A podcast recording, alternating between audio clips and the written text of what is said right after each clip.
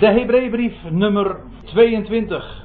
En we waren inmiddels aangekomen bij het elfde hoofdstuk. En zojuist werd me gevraagd of ik even de studie van de vorige keer wilde herhalen. Want ja, als je er dan de vorige keer niet was, dan, dan, dan mis je toch weer het een en ander.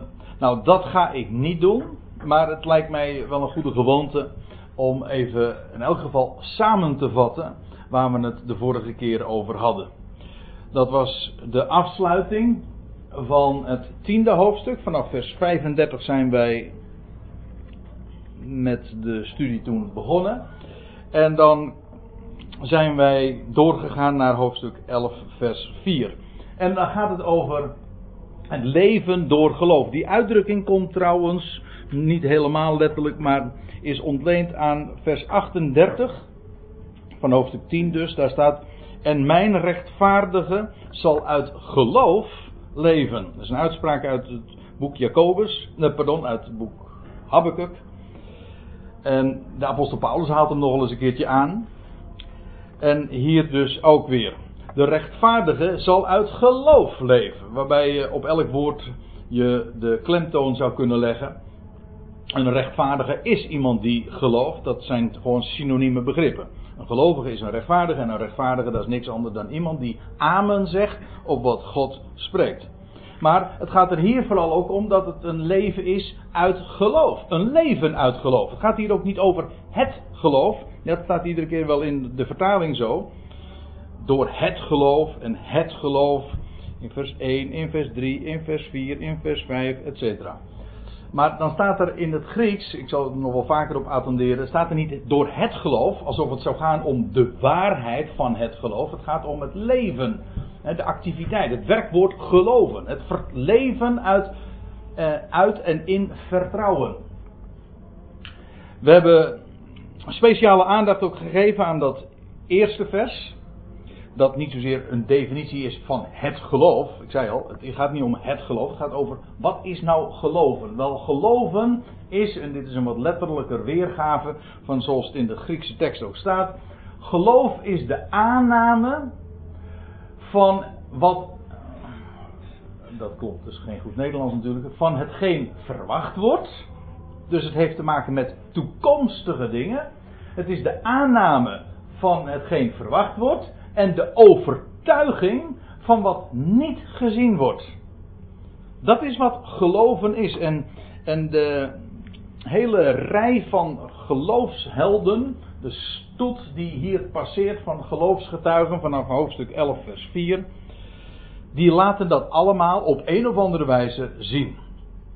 Waarbij we ook uh, er vaak aan herinnerd worden, of dat wil ik ook in de studie uh, die nu gaat komen, maar ook de komende keren dat we het elfde hoofdstuk bespreken, zal ik er nog vaak genoeg ook aan eh, herinneren waarom in deze brief, eh, in dit hoofdstuk, deze dingen allemaal naar voren gebracht worden. Wat is het verband eh, met de brief? waarom zegt de schrijver dit zo? Waarom brengt hij deze gelovigen zo voor het voetlicht? Dat is juist omdat dat direct ook aansluit bij de situatie van de Hebreeën in die dagen. Ook zij moesten afzien van dingen die gezien worden, van een zichtbare tempel, van zichtbare tekenen en wonderen, van een zichtbaar koninkrijk dat zich zou manifesteren. Nee, wat, wat overbleef en resteerde, dat was geloof. God heeft gesproken. Nou, dat is niks bijzonders. Dat is eigenlijk wat de schrijver zegt in dat elfde hoofdstuk. Want zo is het, het is nooit anders geweest. En vandaar dus dat hij zoveel voorbeelden geeft uit het Oude Testament, hun tenach, waarin dat altijd weer gedemonstreerd wordt. Te beginnen bij Abel en vervolgens Henoch en Noach en Abraham, nou et cetera. Vele, vele namen. Nou, dat is wat we de vorige keer vooral hebben besproken. Waarbij je zou kunnen zeggen van geloof is is, uh, kijk, zo zou een wetenschapper, een academicus of iemand van de universiteit dat misschien wat objectief kunnen zeggen. Nou, geloof is eigenlijk een soort hypothese. Je gaat iets van iets uit waarvan het bewijs nog geleverd moet worden. Ja, nou, dat is uh, de, een hele, als ik het zo grof mag zeggen, pislauwe definitie dan misschien van een academicus. Maar dat is niet wat geloof is. Lees dit hoofdstuk, dan zie je echt wat geloof vermacht. Dat is maar niet een of andere theorie, een of andere hypothese. Waarvan je zegt van nou ja, als dit het niet is, dan hebben we nog altijd nog een andere hypothese. Nee, dat is de overtuiging. Het is, het is een overtuiging van zaken die niet gezien worden. Want weliswaar spreekt God over toekomende dingen, maar zijn woord maakt hij waar. Zijn woord is vast. God bewijst zijn eigen woord. Hij bewijst ook dat het van hem is. Het is zijn woord. En alles, en dat geldt ook voor de schriften die wij, die de, de boekstaving is van, van Gods woorden. Wel, dat is levend, het is krachtig, dat heeft de kenmerken van, van, van Gods woord. Dat kan geen mensenwoord zijn.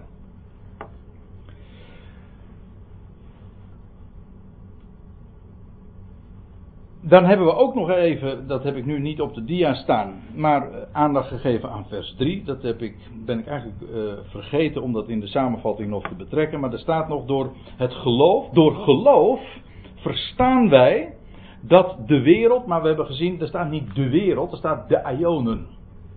De Ionen toebereid zijn door het woord Gods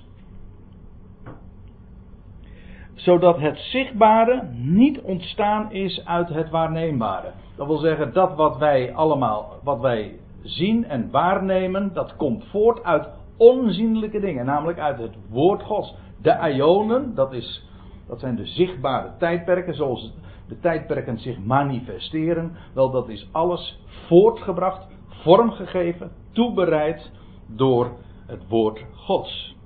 En daar is alles aan ontleent, daar ontleent alles een waarde aan. Daar gaat, eigenlijk is er niks buiten dat woord. Alles is, komt voort uit het woord. Leven komt daaruit voort. Ja, het woord, dat is alles. En dat is precies ook wat, wat deze mensen, die in hoofdstuk 11 dan de revue passeren, zich hebben gerealiseerd vanaf mensenheugenis. Per slotverrekening Abel, die als eerste genoemd wordt, dat was de tweede generatie. En zo zijn er altijd mensen geweest die gesteund hebben op het woord van God. Tegen alle, alle andere opinies in. Nou, tot zover even dan de inleiding. En dan stel ik voor dat we. We hebben er al wat een paar dingen over opgemerkt. En even bij stilgestaan bij vers 4. Maar het lijkt mij verstandig om daar nu de draad op te pakken. Door het geloof, maar u ziet, er staat, dat bepaalde lidwoord staat hier dus ook weer niet. Door geloof heeft Abel Gode, of aan God, een beter offer, een beter, of letterlijk meer slachtoffer gebracht dan Kain. Dat blijkt ook wel als je het in Genesis 4 nakijkt. Want het was uh, een offer, een bloedig offer dat Abel bracht. In tegenstelling tot Kain, die, die gaf van de vruchten van de aardbodem. En dat is heel veelzeggend verschil. Laten we, laat ik ze eens op een rijtje zetten, want er zit nog een prachtige typologie ook aan vast. De naam Abel betekent leeg, ijdel. Het is het woord wat we dus in het boek Prediker ook diverse zoveel keren tegenkomen, ijdelheid der ijdelheden. Nou, het woord wat daar staat is, is het woord ook voor de, de figuur van, eh, van Abel, leeg, ijdel. In tegenstelling trouwens, Kain, dat betekent verkregen. Abel van zichzelf was dan niks. Kain, dat is een wat pretentieuze term, dat is verkregen. En als ik het zo ook zeg, dan staat Kain eigenlijk ook voor menselijke godsdienst. Ik zal het nog wat nader laten zien. Abel is een type van Christus, die een beter offer bracht. Trouwens, ik heb er nog een verwijzing naar hoofdstuk 12, vers 24 staan. Waar je dat ook inderdaad ziet. Nou, laat ik het maar even meteen lezen. 12, vers 24, daar staat. Uh, en tot Jezus, de middelaar van een nieuw verbond. En tot het bloed van de besprenging. Dat krachtiger spreekt dan Abel. En dat niet alleen. Hij werd gedood. Hij bracht een beter offer. Hij werd gedood. En dan in tegenstelling met Kain. Kain eh, is een type van menselijke religie dat verkrijgt, dat zich iets verwerft, dat aan God iets aanbiedt van, van het werk van zijn eigen handen. Niet door middel van, van het bloedstorting, want dat is de wijze waarop God zijn uh, altijd redding bewerkt, namelijk door dood en vervolgens een offerande, dat wil zeggen dood en opstanding. Dat is waar uh, het offer van Abel van spreekt. Dat, dat offer van, van, van Kain, die bracht van de vruchten van een, van een vervloekte aarde. Want daar komt het eigenlijk op neer. Kain is ook een type van het judaïsme dat Abel Jezus vermoordde. Ja, ik bedoel, uh, dat, hij is een type van, uh, van het judaïsme. Uh, en het judaïsme vermoordde Jezus, zo vermoordde ja, Kain Abel. Er zit trouwens ook nog een, er zit trouwens ook nog een verwantschap in het feit, in de naam Kain en verwerven of verkregen en Canaan. Het heeft dezelfde stam. Het volk van Canaan, het volk van Kain.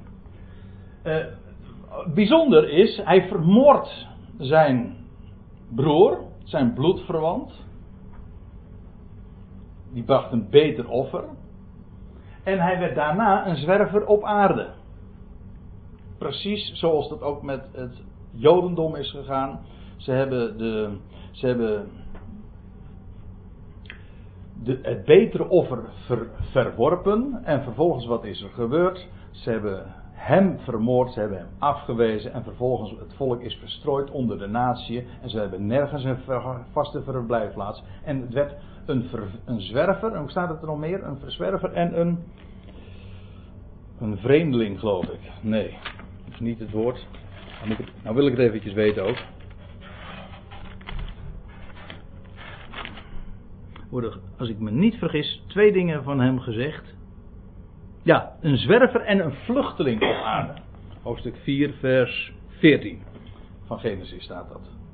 Nou, dat is een prachtige, of een treffende aanduiding ook van het lot van het Jodendom sinds zij de Messias hebben vermoord. Ook een zwerver en een vluchteling zijn zij sindsdien op aarde geworden. Maar wel met een goddelijke belofte. Want Kain was bang dat hij uitgeroeid zou worden. Maar God stelt hem een teken. En geeft hem een teken dat dat niet zal gebeuren. Dat wil zeggen, zijn lot is gewaarborgd. Hij zou, hij zou niet uitgeroeid worden. Dat wil zeggen, Kain, ondanks wat hij gedaan had. En ondanks het feit dat hij daardoor ook een zwerver en een vluchteling op aarde werd. Werd niettemin gegarandeerd dat hij uh, zou blijven voortbestaan. Nou, het is toch een prachtig type ook van, van de belofte die het Joodse volk heeft meegekregen. Ondanks het feit dat ze de ware Abel, het ware offer hebben verworpen.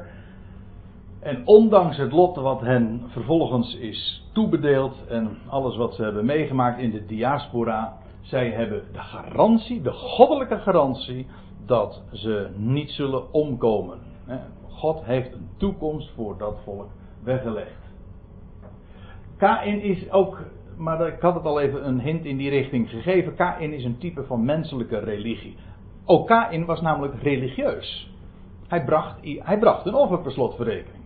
Het was een godsdienstige daad die hij deed. Maar het grote verschil was, Abel, die bracht niet iets van de aarde, maar die bracht een offer door middel van bloed.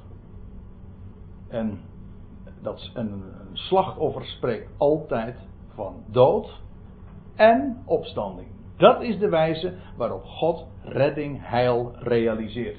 Abel heeft dat geweten. Abel heeft in geloof gehandeld. Want dat is wat er staat. Door geloof heeft Abel. Dus kennelijk heeft God daar uitspraken over gedaan.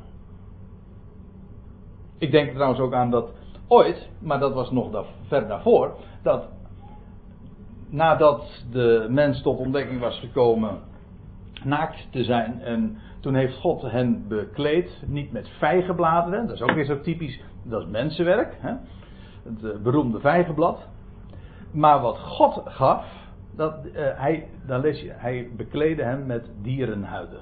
Dat wil zeggen, er werd een dier geslacht en vervolgens werd hij bekleed met, met, met de huid van een onschuldig dier dat daarvoor dus was geslacht. Nou, precies. Dat is een type van de wijze waarop God werkt. Dat wil zeggen, hij brengt slachting aan, en juist, maar juist daardoor redding en bescherming en bekleding. En wat Abel er nog meer van geweten heeft, weet ik niet. Maar in elk geval, ik weet wel, hij heeft uitdrukkelijk uit, in geloof gehandeld. Dus God heeft daarover gesproken en hij heeft dat geweten. Dus Abel was niet godsdienstig. Abel verkreeg niks zelf. Hij was leeg, hij was ijdel, maar hij, hij oriënteerde zich op het woord van God. En daardoor, nou ja, er staat in, dan vervolgens, hierdoor werd van hem getuigd dat hij rechtvaardig was. Je leest ook inderdaad diverse keren over de rechtvaardige Abel. En feitelijk is dat ook de boodschap van Genesis 4. Eh, het bloed van uw broer uh, roept uh, naar de hemel, schreeuwt naar de hemel. Een onschuldige man die je hebt omgebracht. Hij was, een, hij was rechtvaardig. Daar God getuigenis gaf aan zijn gave. Daarin zie je dus dat God zelf het was die, die de gave, het offer van Abel bevestigde. Goedkeurde, of uh, ja, inderdaad, er staat getuigenis gaf daaraan. En hoe hij dat deed, en ik geloof dat we de vorige keer er ook nog eventjes bij hebben stilgestaan. Maar de normale wijze waarop God getuigenis geeft aan een overgave is door het zelf aan te steken. Er zijn heel wat voorbeelden van in het Oude Testament. Nou ja, heel wat. Ik zit nou te overdrijven. Maar er zijn diverse voorbeelden. Dat je dat ziet. Dus we mogen aannemen. Als God getuigenis gaf aan zijn, aan zijn gave. En Kain heeft gezien dat Abels offer werd aangezien door God. Dus op een of andere wijze heeft God dat gedemonstreerd. Dat is wat Kain juist zo boos maakte. God gaf getuigenis aangaande zijn gave. Het ging niet om Abel zelf, maar het ging erom dat de gave die hij gaf. En wat hij daarmee demonstreerde. Een dier dat geslacht werd en vervolgens verhoogd en opsteeg tot God. Dat is wat telt. En dat is waar het gaat om uiteraard waar dat van spreekt. En hierdoor spreekt hij nog nadat hij gestorven is. Hij spreekt nog steeds. Per slotverrekening, dat daarvan, ja, de eerste, we vinden dat in het oudste verslag van, eh, van, van Adam al. Het is een verslag van Adam zelf, hè, die, dat Adam heeft opgetekend. Ga dat nu niet aantonen, maar bij andere gelegenheden hebben we wel eens bijbelstudies over uh, gegeven. Dat het boek Genesis allemaal verslagen zijn van de aartsvader zelf. Dus een bundeling van ooggetuigenverslagen. En Abel, de, eh, pardon, Adam heeft de eerste hoofdstukken van het boek Genesis geschreven. En die heeft dus ook getuigenis gegeven over het lot van zijn eigen zoon. Die als eerste martelaar is omgekomen. Het woordje martelaar is trouwens erg mooi, want dat is trouwens weer een Grieks woord. Martelaar betekent eigenlijk een getuige. Marterion. En het is opmerkelijk dat juist dat woord uh, martelaar, dat gewoon getuige betekent, maar in het Nederlands heeft het, de, heeft het woord martelaar de betekenis van iemand die om zijn getuigenis omkomt. Op een of andere manier zit daar dus al in dat woord ingebakken dat iemand die getuigt van de waarheid, die moet het loodje leggen. Die wordt hier niet in deze wereld geapprecieerd, om het eens netjes te zeggen. Dat wordt niet in dank afgenomen, in tegendeel, die wordt verdrukt, vervolgd of zelfs omgebracht. Mooi als je bij dat soort woorden stilstaat, wat er, wat er eigenlijk. Daar gaat een wereld van gedachten eigenlijk nog weer achter schuil. In elk geval, van, van Abel gaat sprake uit nu vele duizenden jaren, sinds vele duizenden jaren menselijke historie, nog steeds spreekt hij. Het is inmiddels bijna 6000 jaar geleden dat die beste man leefde en stierf, maar hij spreekt nog steeds. Nadat hij gestorven is. Nou, dan gaan we verder. Vers 5. Door geloof, door geloof is Henoch weggenomen. Henoch, uh, ja, wat weten we van Henoch? Ja, dat is een heel boek van Henoch. Ja, maar gewoon even, even puur bijbels gezien. Ja, dat is. Uh, nee, ik ga mijn nek nu niet vanavond uitsteken om dat boek van Henoch te bespreken, want dat is wel erg boeiend. Maar ik geloof dat als ik dat zou willen doen, dan zou ik eerst eventjes navragen doen bij André. Want die heeft zich daar veel mee, André de Mol bedoel ik, uh, veel uitgebreider mee bezig gehouden. Maar uh, wat we weten van Henoch, puur of vanuit de Bijbel zelf, nou is in het boek Genesis minimaal. Het zijn maar twee versen, twee of drie versjes die daarover uh, spreken. Maar je leest in de brief van Judas over hem, en dat is dan weer ontleend aan het boek van Henoch. Ook over hen heeft Henoch de zevende van Adam af, wordt geteld.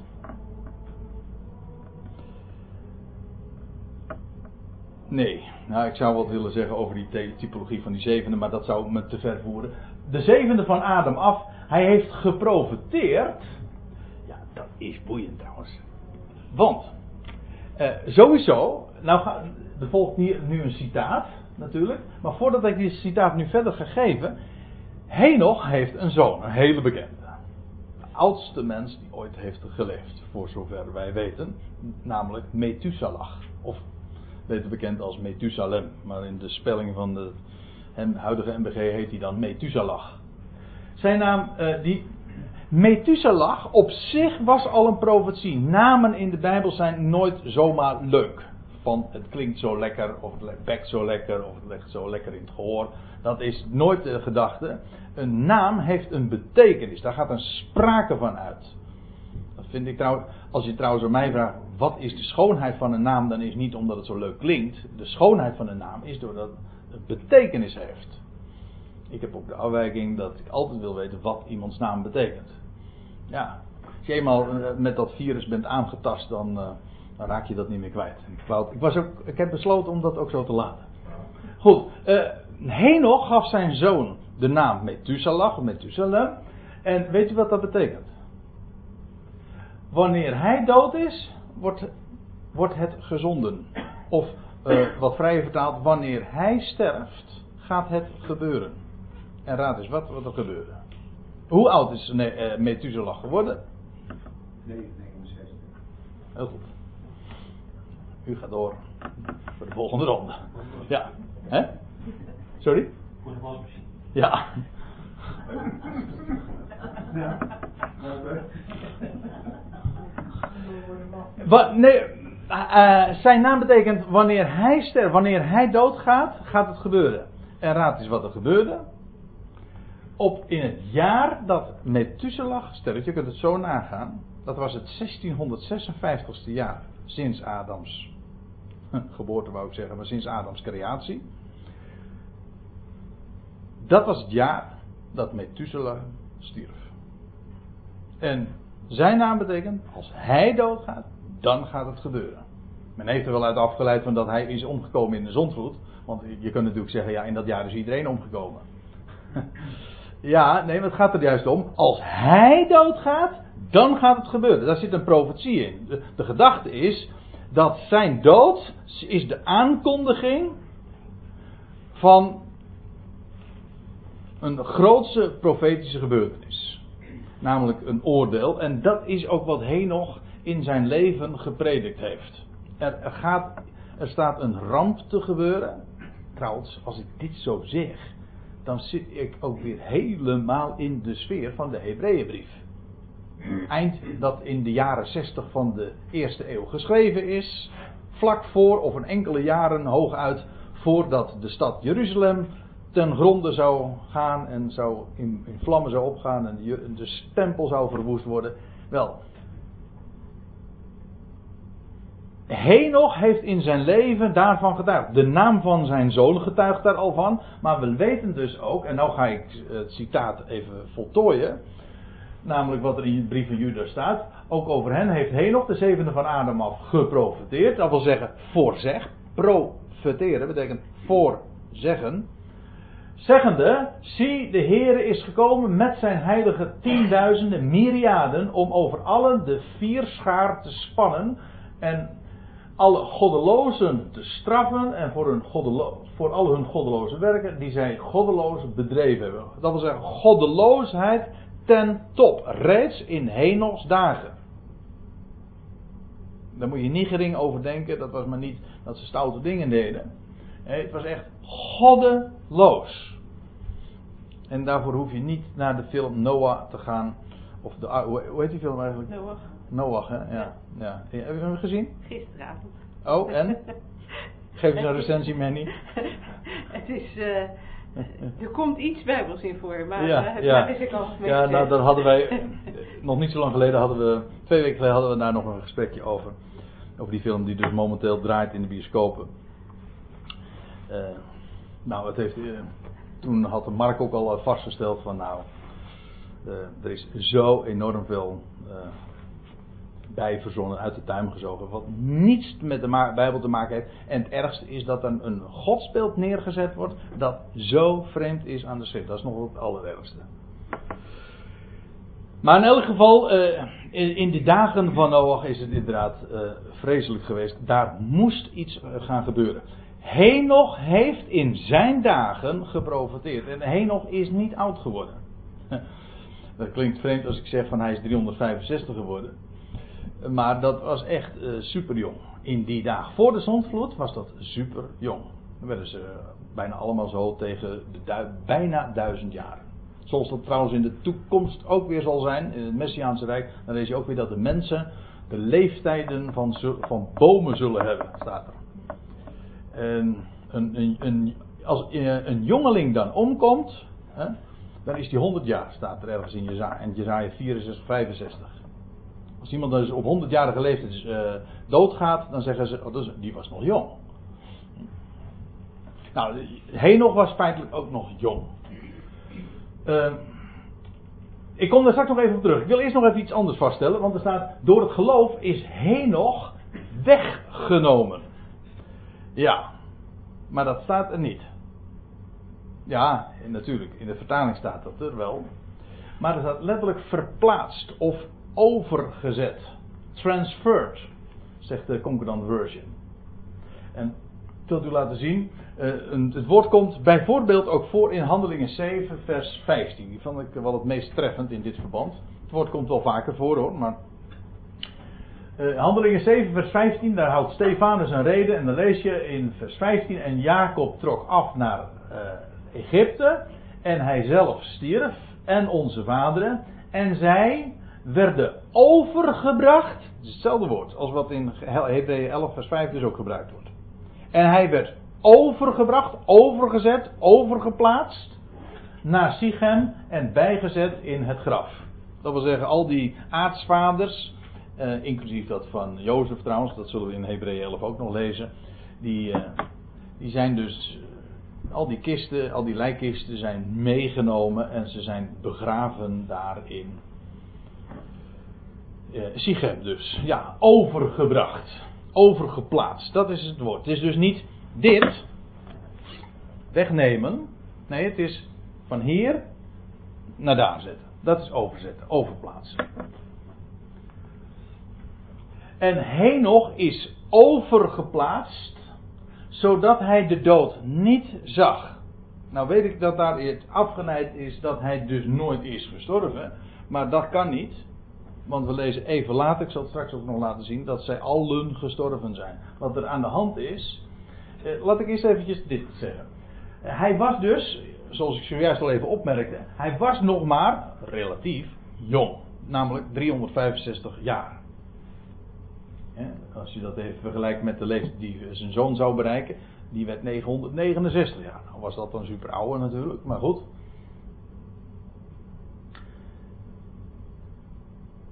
Wat was er nou aan de hand met Henoch?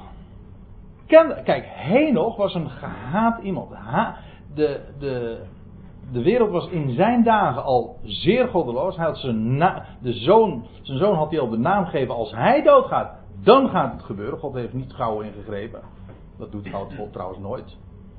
Dat doet hij pas meestal in het derde en het vierde geslacht, lees je dan. hij heeft geduld, is langmoedig, maar hij gaat ingrijpen. Dat is, dat is hier ook gebeurd. Maar Henoch was een gehaat man. Nog heeft geprofiteerd. En dan word je ook, dat wordt je niet in dank afgenomen. En kennelijk, wat er kennelijk is gebeurd, is dat hij is verplaatst. Men heeft een moordaanslag op hem gepleegd. Of wilde plegen, nou, zo moet ik het zeggen. En hij is door God zelf overgezet naar een andere locatie. Ik weet, het idee is meestal van, nou, hij is in de hemel opgenomen, hij is nooit meer gestorven. Maar dat kan niet. Hij, staat, uh, hij was dus inderdaad een profeet. Hij profeteerde in een zeer goddeloze, vijandige omgeving. Hij was nog maar 365 jaar oud. En hij, werd, hij heeft uh, de dood uh, niet gezien. Hij werd niet meer gevonden. Dus betekent dat dat hij dus gezocht werd? Ja, kennelijk. Hij werd gezocht, maar men vond hem niet en God heeft hem verplaatst, overgezet naar een locatie.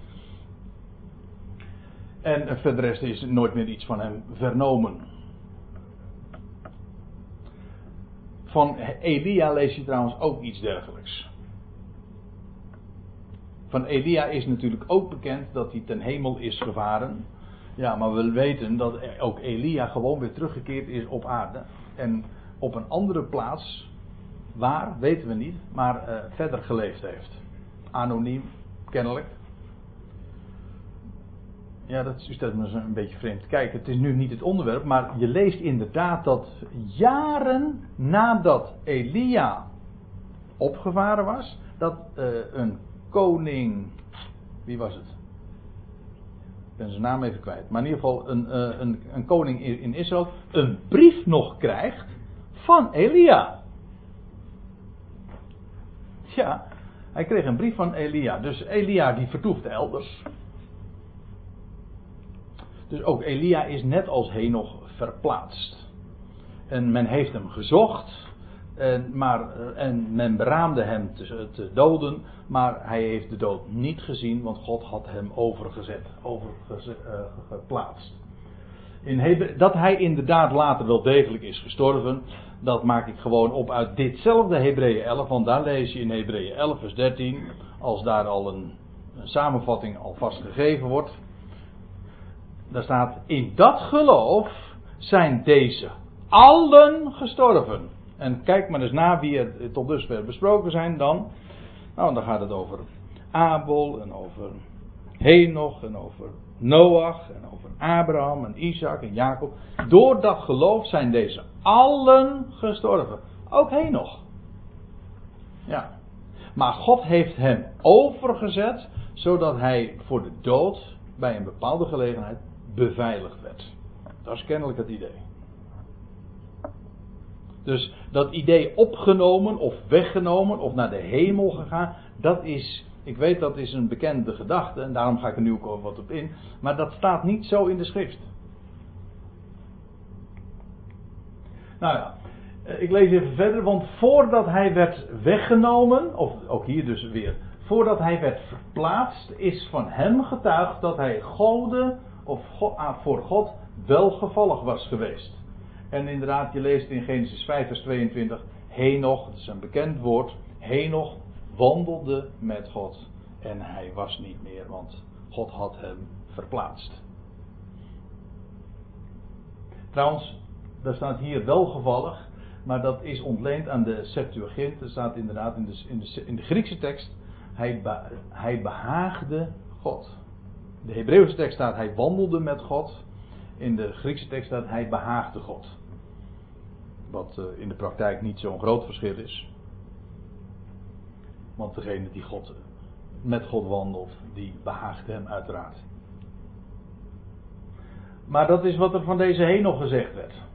Die geprofiteerd heeft dus in een hele vijandige omgeving. Maar God heeft hem beveiligd, heeft hem verplaatst. Zodat ze hem niet konden doden. Maar ook een man die geleefd heeft in geloof.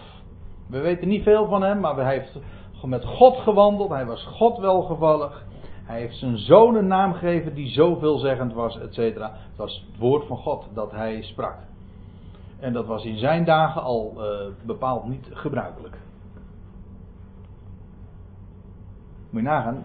Als je daarover nadenkt, dan is het toch heel opmerkelijk dat nog betrekkelijk kort nadat Adam gecreëerd is. Ik zei net, de zondvloed was in het 1656ste jaar na de creatie van Adam. Nou, Adam is zelf ook 900 eh, zoveel geworden.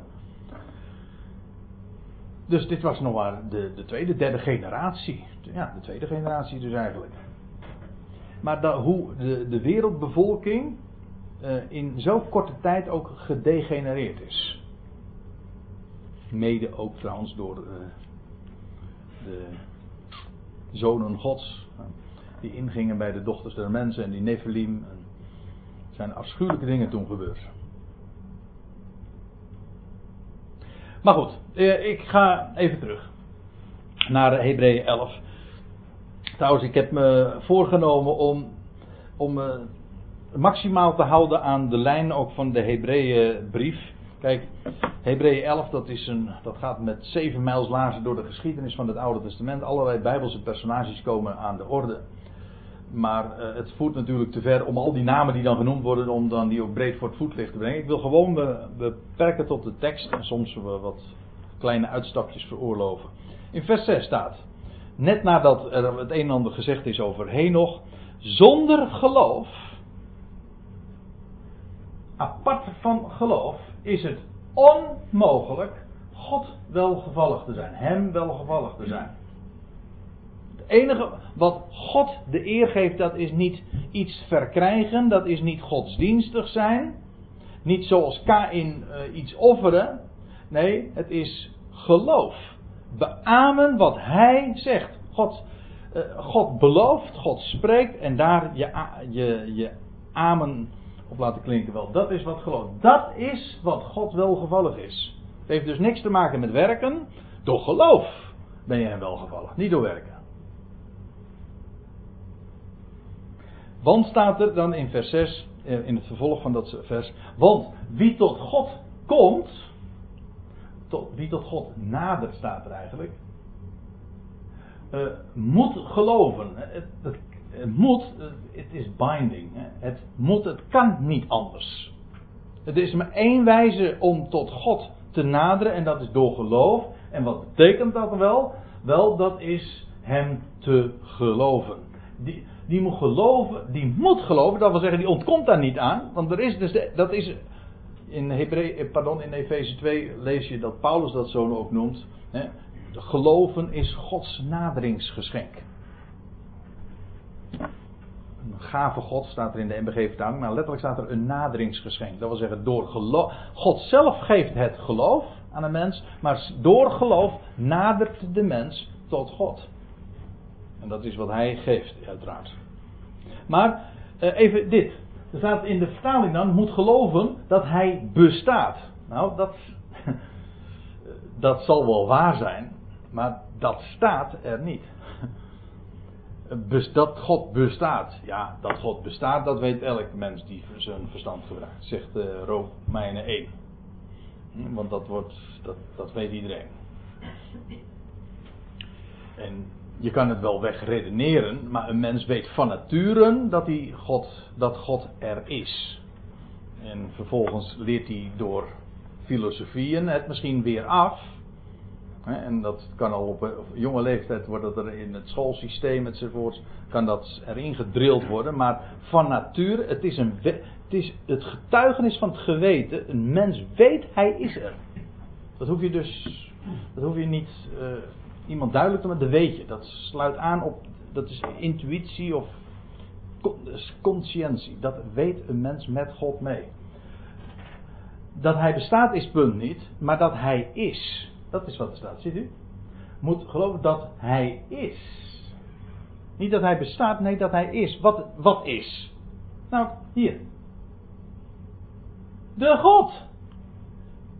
Die vond ik zo mooi toen ik dat zag die moet geloven, die ontkomt er niet aan te geloven dat hij is. Wat? De God.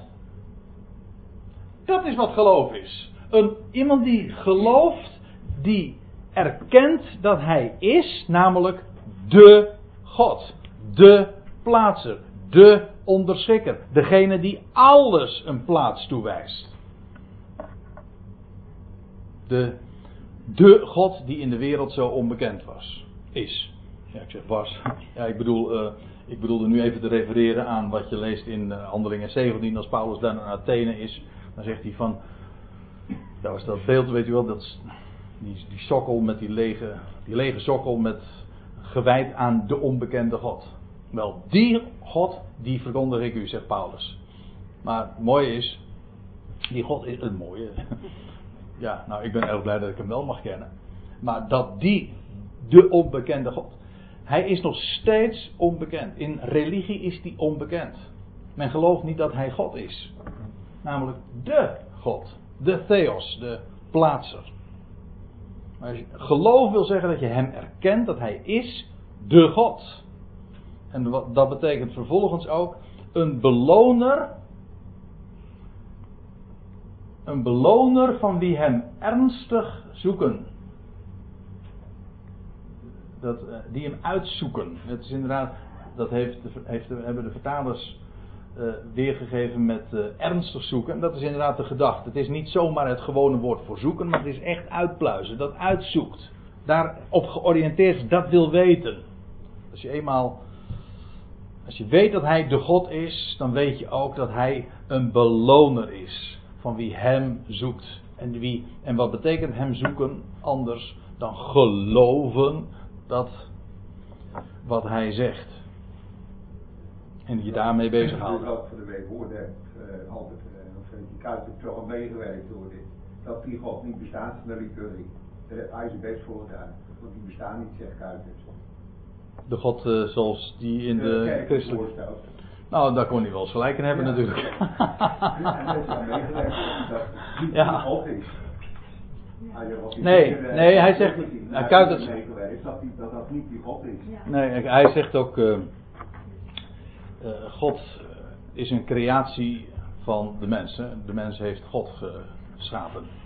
En dat klopt, wat de religie betreft, klopt dat ook wel. Want eh, dan is het in wezen, het zijn allemaal godsbeelden. De mens heeft zichzelf een God gemaakt. Ja, maar dat is natuurlijk een andere koek dan, eh, dan wat de schrift erover zegt. Daar, gaat, daar is de God aan het woord en die de mens gemaakt heeft. Precies de omgekeerde wereld. Maar over Kuitert zullen we het verder maar niet hebben.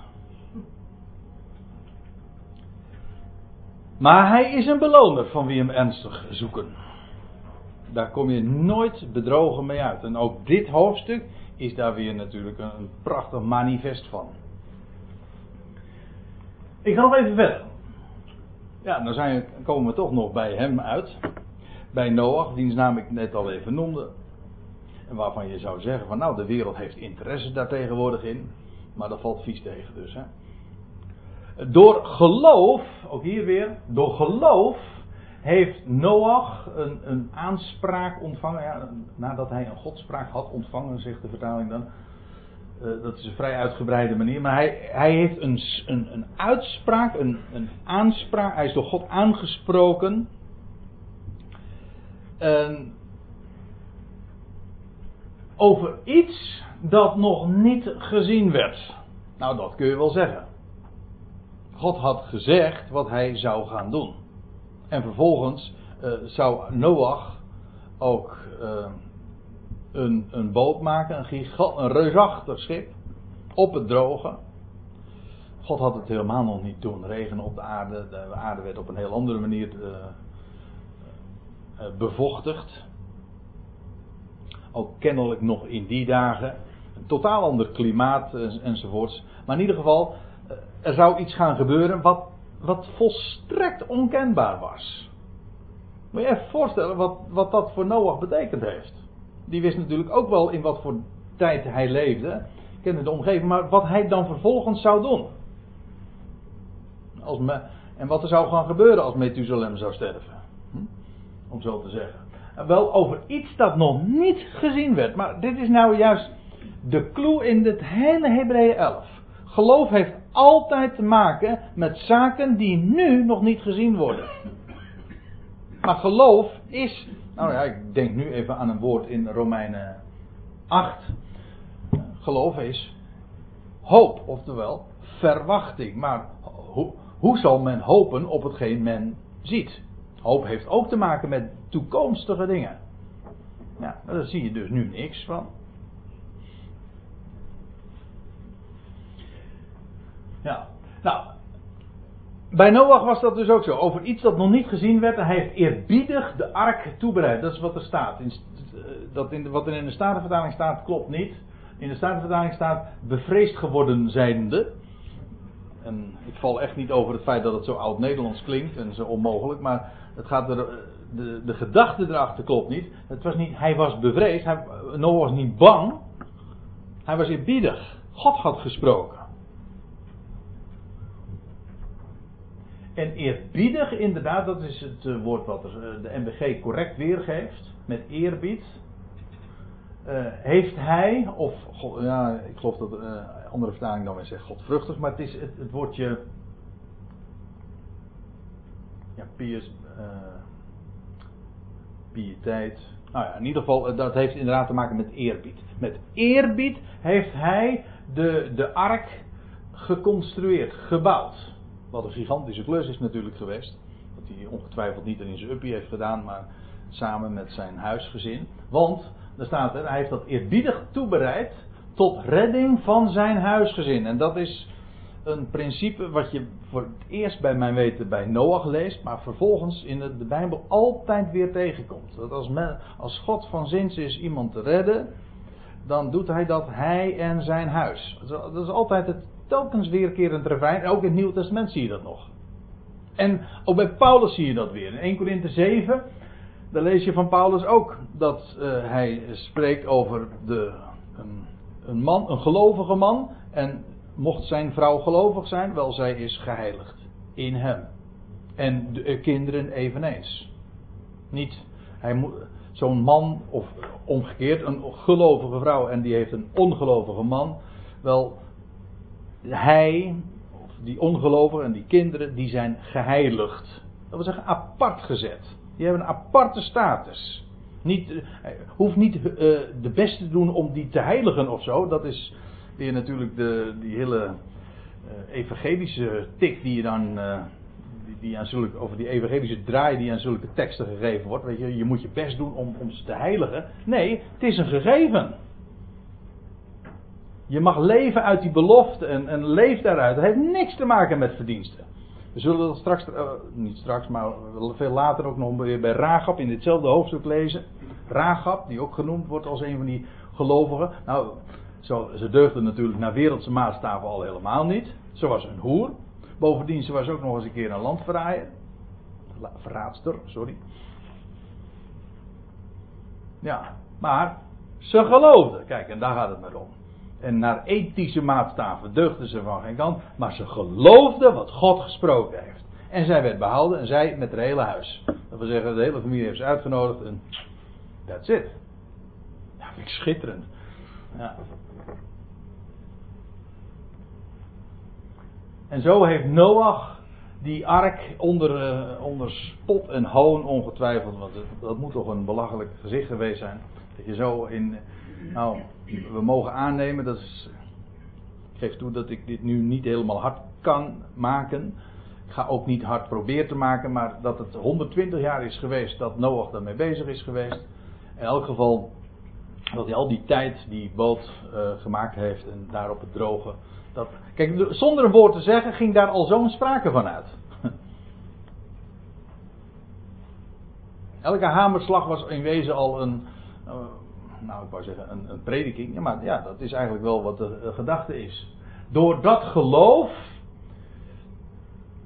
Uh, en door dat geloof, door, daardoor heeft hij de wereld veroordeeld. Dat klinkt misschien wat vreemd, maar als je er even over doordenkt, is het niet zo moeilijk. In wat Noach deed door zo'n gigantisch schip te bouwen, was. Daardoor veroordeelde hij de wereld. Hij gaf daarmee te kennen: van deze wereld verwacht ik helemaal niks. Hij was nog pessimistischer dan iemand die een uh, atoomkelder in zijn achtertuintje bouwt.